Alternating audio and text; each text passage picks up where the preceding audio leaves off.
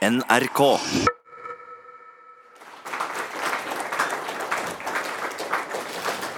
Velkommen uh, til denne uh, debatten om norsk uh, kulturkanon her på, på Trondheim litteraturfest. Jeg heter Askild Matre Aasarød, journalist i Morgenbladet og programleder for Morgenbladets podkast. Jeg tenkte vi kunne starte med noen verselinjer fra, fra et kjent og kjært eh, verkssamling som ofte nevnes når det er snakk om eh, norsk og nordisk kulturell eh, kanon. Nå leser han. Gamle hurpekvinna, hoppe, hun kan kalles. Ei fillemerr er steingjerd. Jeg, en fyrig grahingst. Jeg spratt i brunst på henne bakfra, inn i fitta stakk jeg kåte spydet slik at merra steila. Jeg vet ikke om det er noen som vet hvor det der er fra? Noen som har dannelse nok til å vite? Norrøn litteratur. Ja, det er korrekt. Det er fra Kormaks saga, som er en historie som foregår i Norge og, og på Island og Irland på tampen av 900-tallet. Den er lystige beskrivelsen av, av voldtekt og dyp, dyp, dyp uh, misogyni. Uh, det virker på meg som den kommer fra en totalt fremmed uh, kultur. Noe som kunne vært skrevet i en IS-leir og ikke i, i, i Norge. Likevel så er det vel forholdsvis stor enighet om at den har en plass i vår norske kanon, de her islendingssagaene. Det er jo et, et, ekstremt og ganske tendensiøst eksempel kanskje fra, øh, fra min side. Men det er noe her likevel føler jeg, som, som, jeg ikke helt forstår med hvordan man skal forholde seg til kanonbegrepet og den norske kanon. Kanon betyr jo egentlig Det kommer fra, fra den katolske kirka. Man, det som var kanoniserte tekster der, var de autorit, autoritative tekstene fra, fra den katolske kirke. Og ordet i seg sjøl betyr jo rettesnor. Det er noe du skal ja, rette deg etter. Eller et forbilde. altså Noe man skal på en eller annen måte ønske å bli. Ja, hva vi bør være. Da, da, kunnskapsminister Torbjørn Røe Isaksen prøvde og ymta om at, at uh, hans parti burde ha et punkt i sitt partiprogram om at man skulle opprette en slags uh, norsk nasjonal kulturkanon, så ble det jo bare rebalder av det. Jeg håper at vi her i dag kanskje kan uh, få til en litt klarere, mer interessant samtale om det norske kanonbegrepet. Jeg tror i hvert fall vi har et panel som kan hjelpe oss med det. Jeg er med fatter og blant mye annet mottaker av Fritt Ords uh, honnør for sine innspill i innvandrings- og integreringsdebatten. Walid al-Kubaisi. Velkommen. Jeg har med rådgiver i den liberale og høyreorienterte tankesmia Civita. Og historiker og tidligere leder for, for kulturinstitusjonen Studentersamfunnet i Bergen, Erik Løkke. Takk. Og eh, Vigdis Hystad, litteraturprofessor og ekspert på det som er grunnsteinen i en mang norsk kanon, eh, Henrik Ibsen. Jeg lurte på om jeg skulle starte med deg, Vigdis.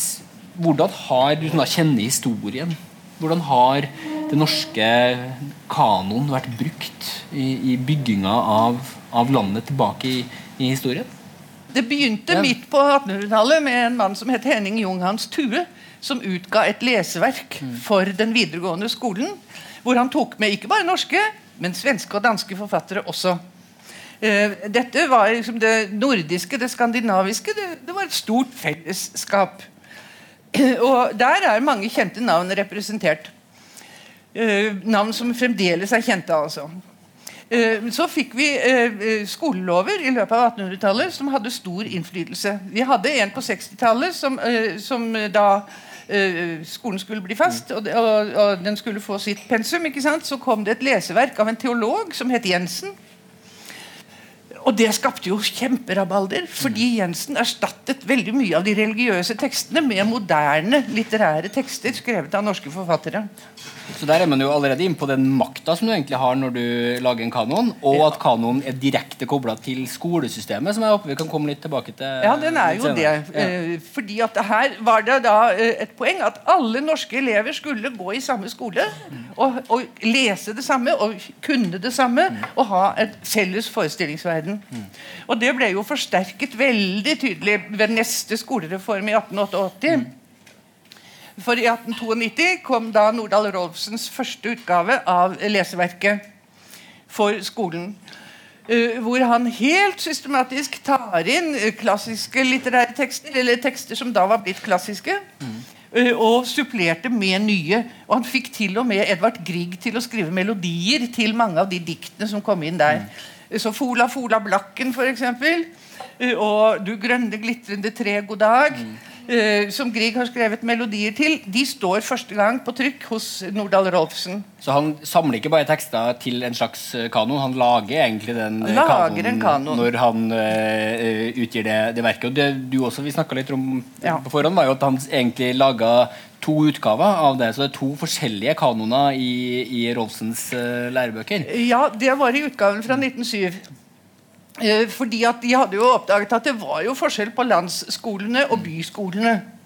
Uh, byskolene hadde eh, større timetall enn skolene utover landet. Og de hadde da anledning til å lese mer. De hadde et større pensum, et annet pensum enn landsskolene. Så Nordahl Rolfsen laget da noe som skulle tilpasses landsskolene. Med, hvor første delen av leseverket var på nynorsk. Og øh, andre, de følgende delene også avvek litt. Grann. Mens det som skulle brukes i byskolene, hadde uh, mye mer av uh, riksmålstekster. Ja, Men, så du hadde by- og landskanon, egentlig?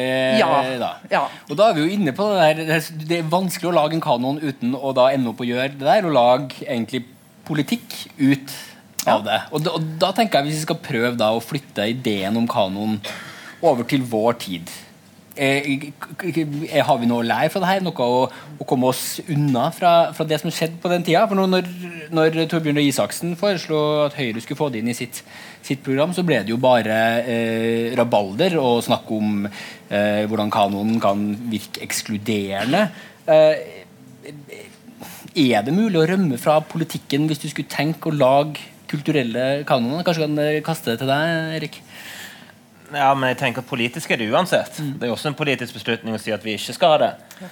Eh, så, så, politikken kan man vanskelig rømme utenom, uansett hva man ender opp med her. Eh, jeg tenker at det fins gode argumenter. Veldig veldig interessant og spennende å høre på den historiske eh, bakgrunnen. og eh, en del kan man jo også kjenne igjen fra, fra, i dag. Hva er det de viktigste verkene er?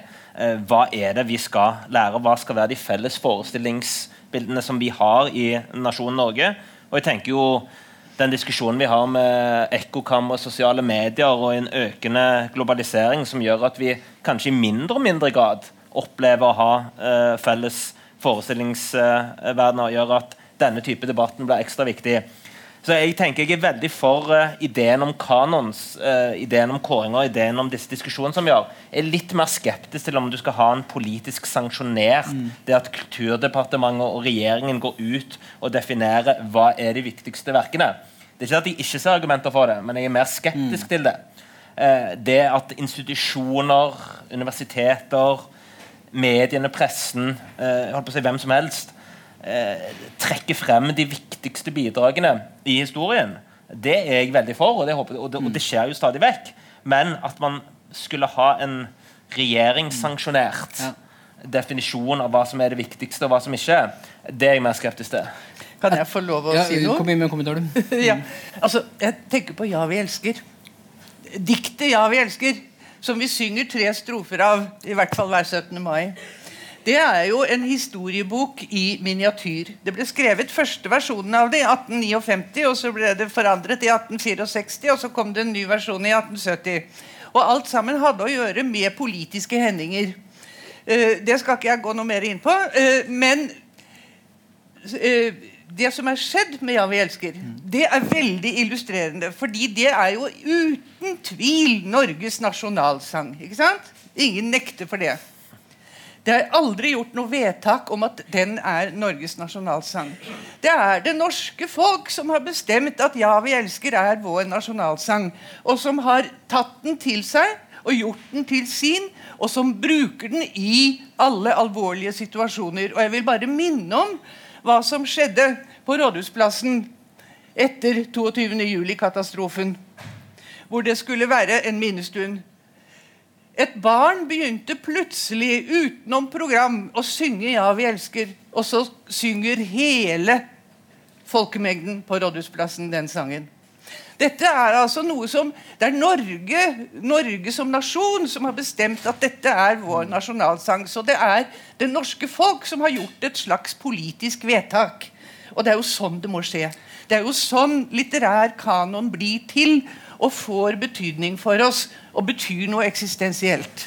Men en, ikke, altså en kanon er jo ikke en demokratisk ordning. Jo, da vil det jo være de mest populære verkene til enhver tid. Det er jo ikke dem som står igjen. så Det er jo, en, det er jo ikke en direkte sånn uh, ja, demokratisk avgjørelse. Ja, jeg tror at de verkene som er gode nok, de blir stående. Mm. det er ikke alle som blir stående, rett og slett fordi de ikke har kompleksitet i seg til å si noe nytt til nye tider. Jeg vet ikke om du er enig ja. i det, Valid, men en tekst må være god. Ja. Samtidig som den er noe dagsaktuelt. Ja. Og hvis den da er god i tillegg, så kan den si noe nytt til nye tider. Fordi de må stadig omtolkes. Det er ikke en sementert betydning. Men, men det, for det er jo interessant, Hvordan skal man få en, eh, en, meningsfull kanon for vår tid, hvis man ikke vil at det er politikere eller et slags råd som skal bestemme det? Eh, Agenda de eh, foreslo jo at det ikke etniske nordmenn eller folk som har vokst opp i norsk kultur, som skal få lov til å bestemme det, men dem som har utenforblikket på det. og, og Valid, du, du, sa når vi snakka sammen på forhånd, at du tror du, som da har én fot i det norske og én fot utenfor, har et bedre blikk egentlig på noen av de gigantene da, som ofte tas inn i kanoen. Eh, stemmer det at det er utenforblikket som skal definere en, en, slags kanon, hvis vi skal ha den? Vi er med og bidrar, men det er ikke vi som bestemmer. Det er nordmenn som bestemmer. Det er norske premisser som legges til grunn. Men vi er med hvis vi klarer å engasjere oss i dette prosjektet. Jeg kom til Norge som muslimsk araber. Jeg laget min egen eh, norsk kulturkanon. Jeg leste viktige eh, norske verk som endret meg. Jeg kom som norsk araber. I dag er jeg kristen fordi jeg også tror, som deg, at sannheter inkarneres i mennesket. Jeg er jøde fordi jeg føler at jeg er individuelt utvalgt. Jeg er ikke bare muslim, kristen og jøde. Jeg er buddhist fordi jeg har trang til å tilintetgjøre meg selv i det jeg elsker. Jeg er kjetter fordi hele livet forfører meg til å krysse alle grenser. Jeg trenger alle disse identiteter for å oppleve tilværelsen som et menneske uten grenser. Hvem som lærte meg dette? Det er ikke min kultur. Nei, det er Ibsen og Wergeland og Bjørnsen og Bjørneboe og Rolf Jacobsen. Alle disse har lært meg. Og derfor jeg mener Hvis det blir en norsk kanon lages her i Norge Det må være ikke et politisk prosjekt. Det må være basert på kultur. Folk som kjenner eh, nasjonen, som kjenner historien, som ikke er preget av ideologi, men verdier Eh, eh, eh, og, det er de som bestemmer hvilke verk som må bli med. Og da dette vil skape Jeg bruker et annet ord for kulturkanon. Det er offentlig, nasjonal fellespensum for hele nasjonen. Hele nasjonen må lære, lese og kan skape felles referanser for nasjonen. Og dette er veldig viktig nå. Og det er helt vidunderlig at du sier det. Men, men samtidig, vi klarer jo ikke å få ut politikken. Hvis vi ser hvem det er som har fronta ideen om uh, å få en kulturell kanon nå den Forslaget i uh, Danmark kom fra konservative og fra Dansk Folkeparti. I Sverige så har du det fra Sverigedemokraterna. I Norge så var det Frp som først kom på banen i 2005, hvis jeg ikke tar helt feil. Og så kom da Røe Isaksen, parallelt med at vår kulturminister hadde den der eh, famøse Facebook-posten hvor hun snakka om alle de norske verdiene som vi skal være stolt over. Det er jo nå veldig tydelig høyresida som har tatt initiativet til å få denne eh, kanonen. Det er nesten så man kan tro at høyresida har stjålet fra, fra den eh, sosialistiske ideologene. Det er jo mye snakk om det nå, at man, man tar liksom Gramsci, som jo hadde den ideen om eh, at for å vinne de politiske kampene, så må du vinne de, de kulturelle eh, kampene. Eh, og Før så har man jo i hvert fall etter krigen snakka om at uh, ja, venstresida vant uh, veldig mye av de kulturelle kampene, så fikk høyresida økonomien. Mens nå er det høyresida som er virkelig på ballen i, i, kampen om kulturen, og særlig gjennom uh, kanondebatten. Jeg vet ikke om du skal få lov til å være representant for det, da, Erik, da, men altså, det virker jo for meg som å være et ganske kløktig politisk prosjekt. som ligger under mye av den kanondebatten vi har sett nylig i Norge. Jo da, men uh, den er nok en del av det helt større bildet om multikulturalisme, globalisering. Jeg vil si at det er ganske mange andre ting enn uh, litterær kanon, norsk kanon, som er, dominerer eh, ordskiftet. Det er nok mer for spesielt interesserte og med all respekt de som leser Morgenbladet og litt andre ting, som er veldig interessert i disse tingene. Men du har, du har åpenbart et poeng. kanondebatten både i Danmark og nå i Norge oppstår jo i møte med globalisering, innvandring. Eh, og mange av de kreftene som du, du, nevner, er jo da redde for den eh, hva skal man si, eh, nasjonale identiteten. Og ser da eh, kanon, det å få en sånn offentlig eller nasjonalt sanksjonert eh, liste, eller kanonisering, rett og slett, som en måte da å være et ja, bolverk du kan, Noen sier det rett ut mot eh, muslimsk mm. påvirkning, mot uh, ikke-vestlig innvandring, uh, kall det hva du vil. Men, men, det er jo massevis av ulike begrunnelser for hvorfor man skulle ha en kanon. Så der tenker jeg jo at det ble jo da opp til de som ikke deler disse tankene, men som likevel er opptatt av kanon, og kommer med sine begrunnelser og sier hvorfor vi trenger nasjonale mm. fellesbeskrivelser. Og de, de stemmene kunne sikkert vært enda mer til stede, men de er jo til stede. Men Valid, du er ikke redd for det da, at, at en kanondiskusjon skal virke ekskluderende, forsterkende av en god del gamle ideer om, om norskhet? Uh, det jeg hører, er ikke jeg, Kanskje jeg, eh, jeg forstår ikke hva betyr en norsk kanon. Dette er, Du snakker om et partiprogram. Det er ikke om kultur. Vi snakker om de store nasjonale figurer som Ibsen og Bergeland og Bjørnstjerne Bjørnsen. Og de skaper tvert imot. Eh, vi har ikke det problemet som andre land har, nemlig at den norske kulturen ekskluderer ikke de fremmede. Tvert imot. Hva er tanken om nasjonen? I hele Europa det er basert på etnisitet. Ikke sant? Men her, hva er nasjonalisme? Hva er den norske nasjonen? Den er basert på at du er velkommen, som, som Wergeland har sagt. Velkommen, dere jøder. Velkommen. Dere hører til en annen etnisitet. Men det spiller ingen rolle.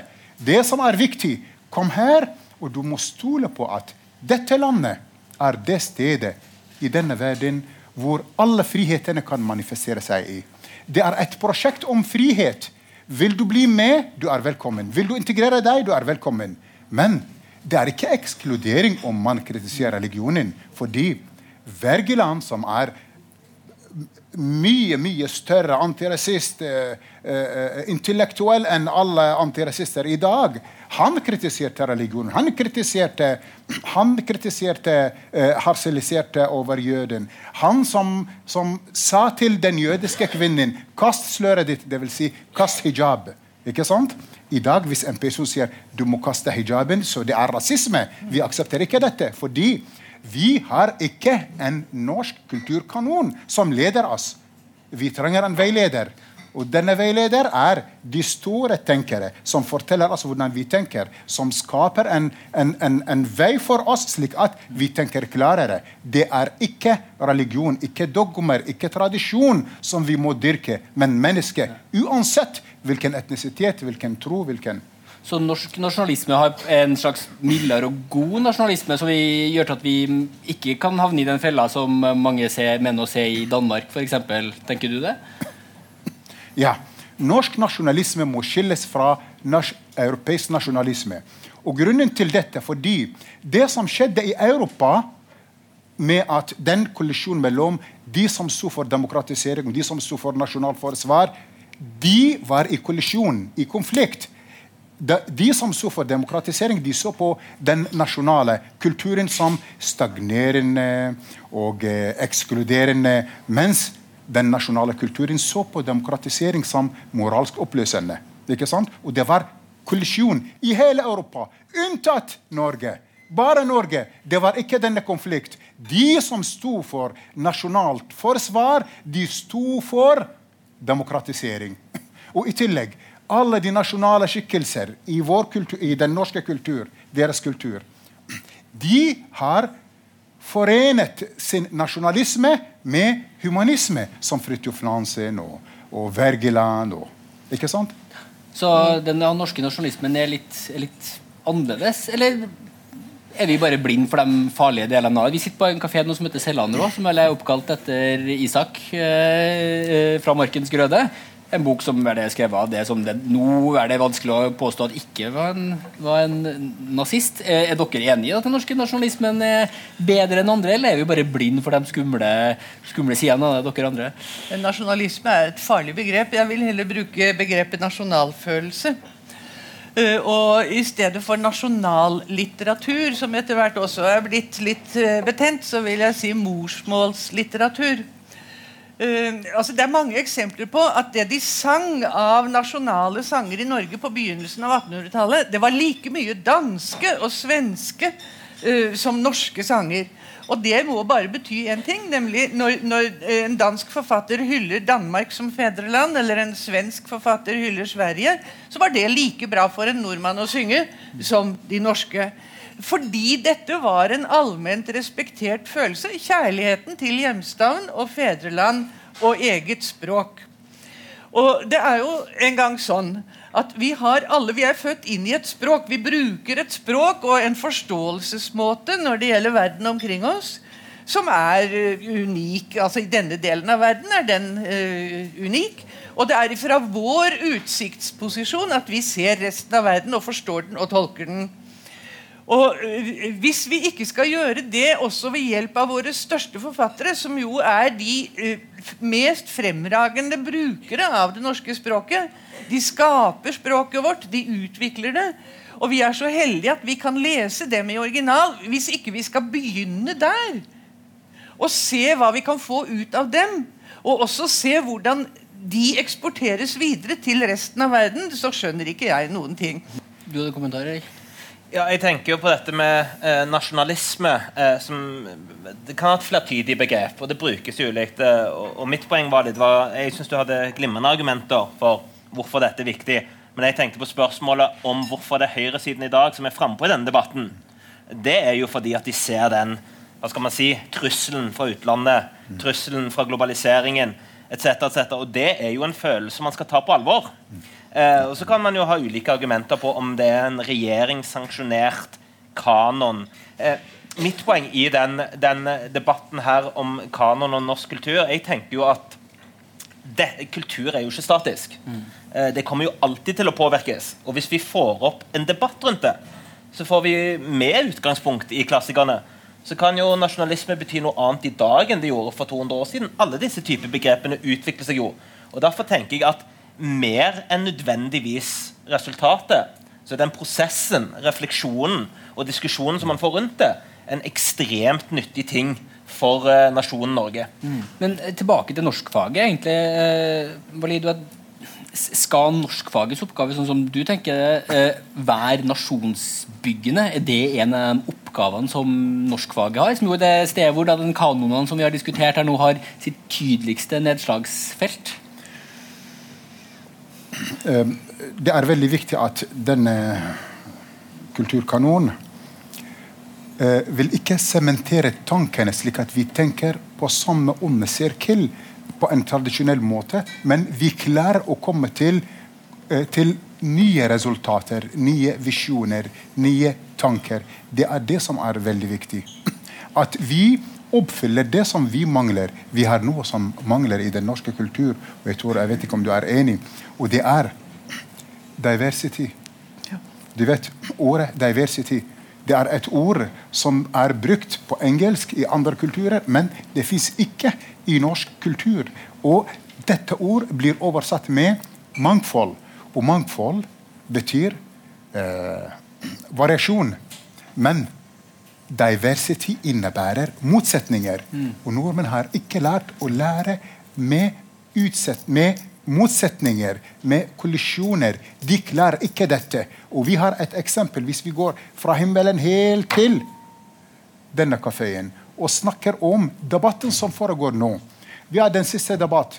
Jeg har to venner. Den ene er Lars Gule, og den andre er Hege Storhaug. Lars Gule sa en gang Han sa det er ikke fare med uh, islam, det er fare med uh, kristendom. Så en venn av meg forteller meg at du er så dum, valid, du støtter denne personen. Men jeg sa til ham jeg støtter ham ikke fordi pga. denne, denne uh, uttalelse, men jeg støtter Lars Gula fordi kjernen i hans budskap er ren humanisme. Den siste tiden så Hege Surhaug kom med dette siste spillet om uh, å ta bilder av innvandrere. Og de fleste tok avstand fra henne. Og de sa til meg men støtter du henne fremdeles. Jeg sa ja, fordi jeg ser kjernen i hennes budskap. Det er frihetene.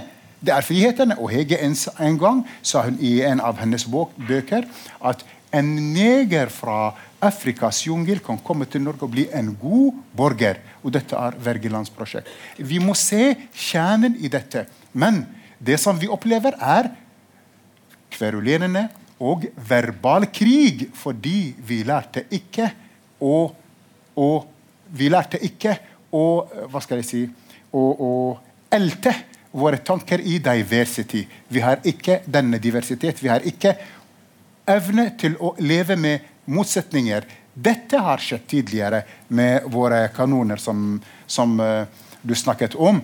Og det er uh, uh, Wergeland og Welhaven. De var fiender når det gjelder kulturen. Welhaven vil ha forbindelse med den danske kulturen etter 1814. Og Wergeland har ikke sagt til ham du er landssviker og du er rasist og du er dum. Nei. Han sa jeg oppfordrer det norske folk til å ta på seg vadmelklær. Ikke sant? Og vadmel er grov bondeklede vevd i ull. Det er ikke pene klær. Men han sa dette er for meg mer kostbar enn den danske kulturen. På den måten diskuterte de. aksepterte dette, de praktiserte diversity. Men i dag vi har bare verbal krig. Da tror jeg egentlig vi avrunder. Tusen takk til, til, til dere. Eh, Walid al-Kubasi, Erik Løkke og Vigdis Ystad. Så får vi håpe at eh, denne debatten fortsetter. Det nekter jeg å tro at den ikke gjør i tida videre. Så takk for at dere kom.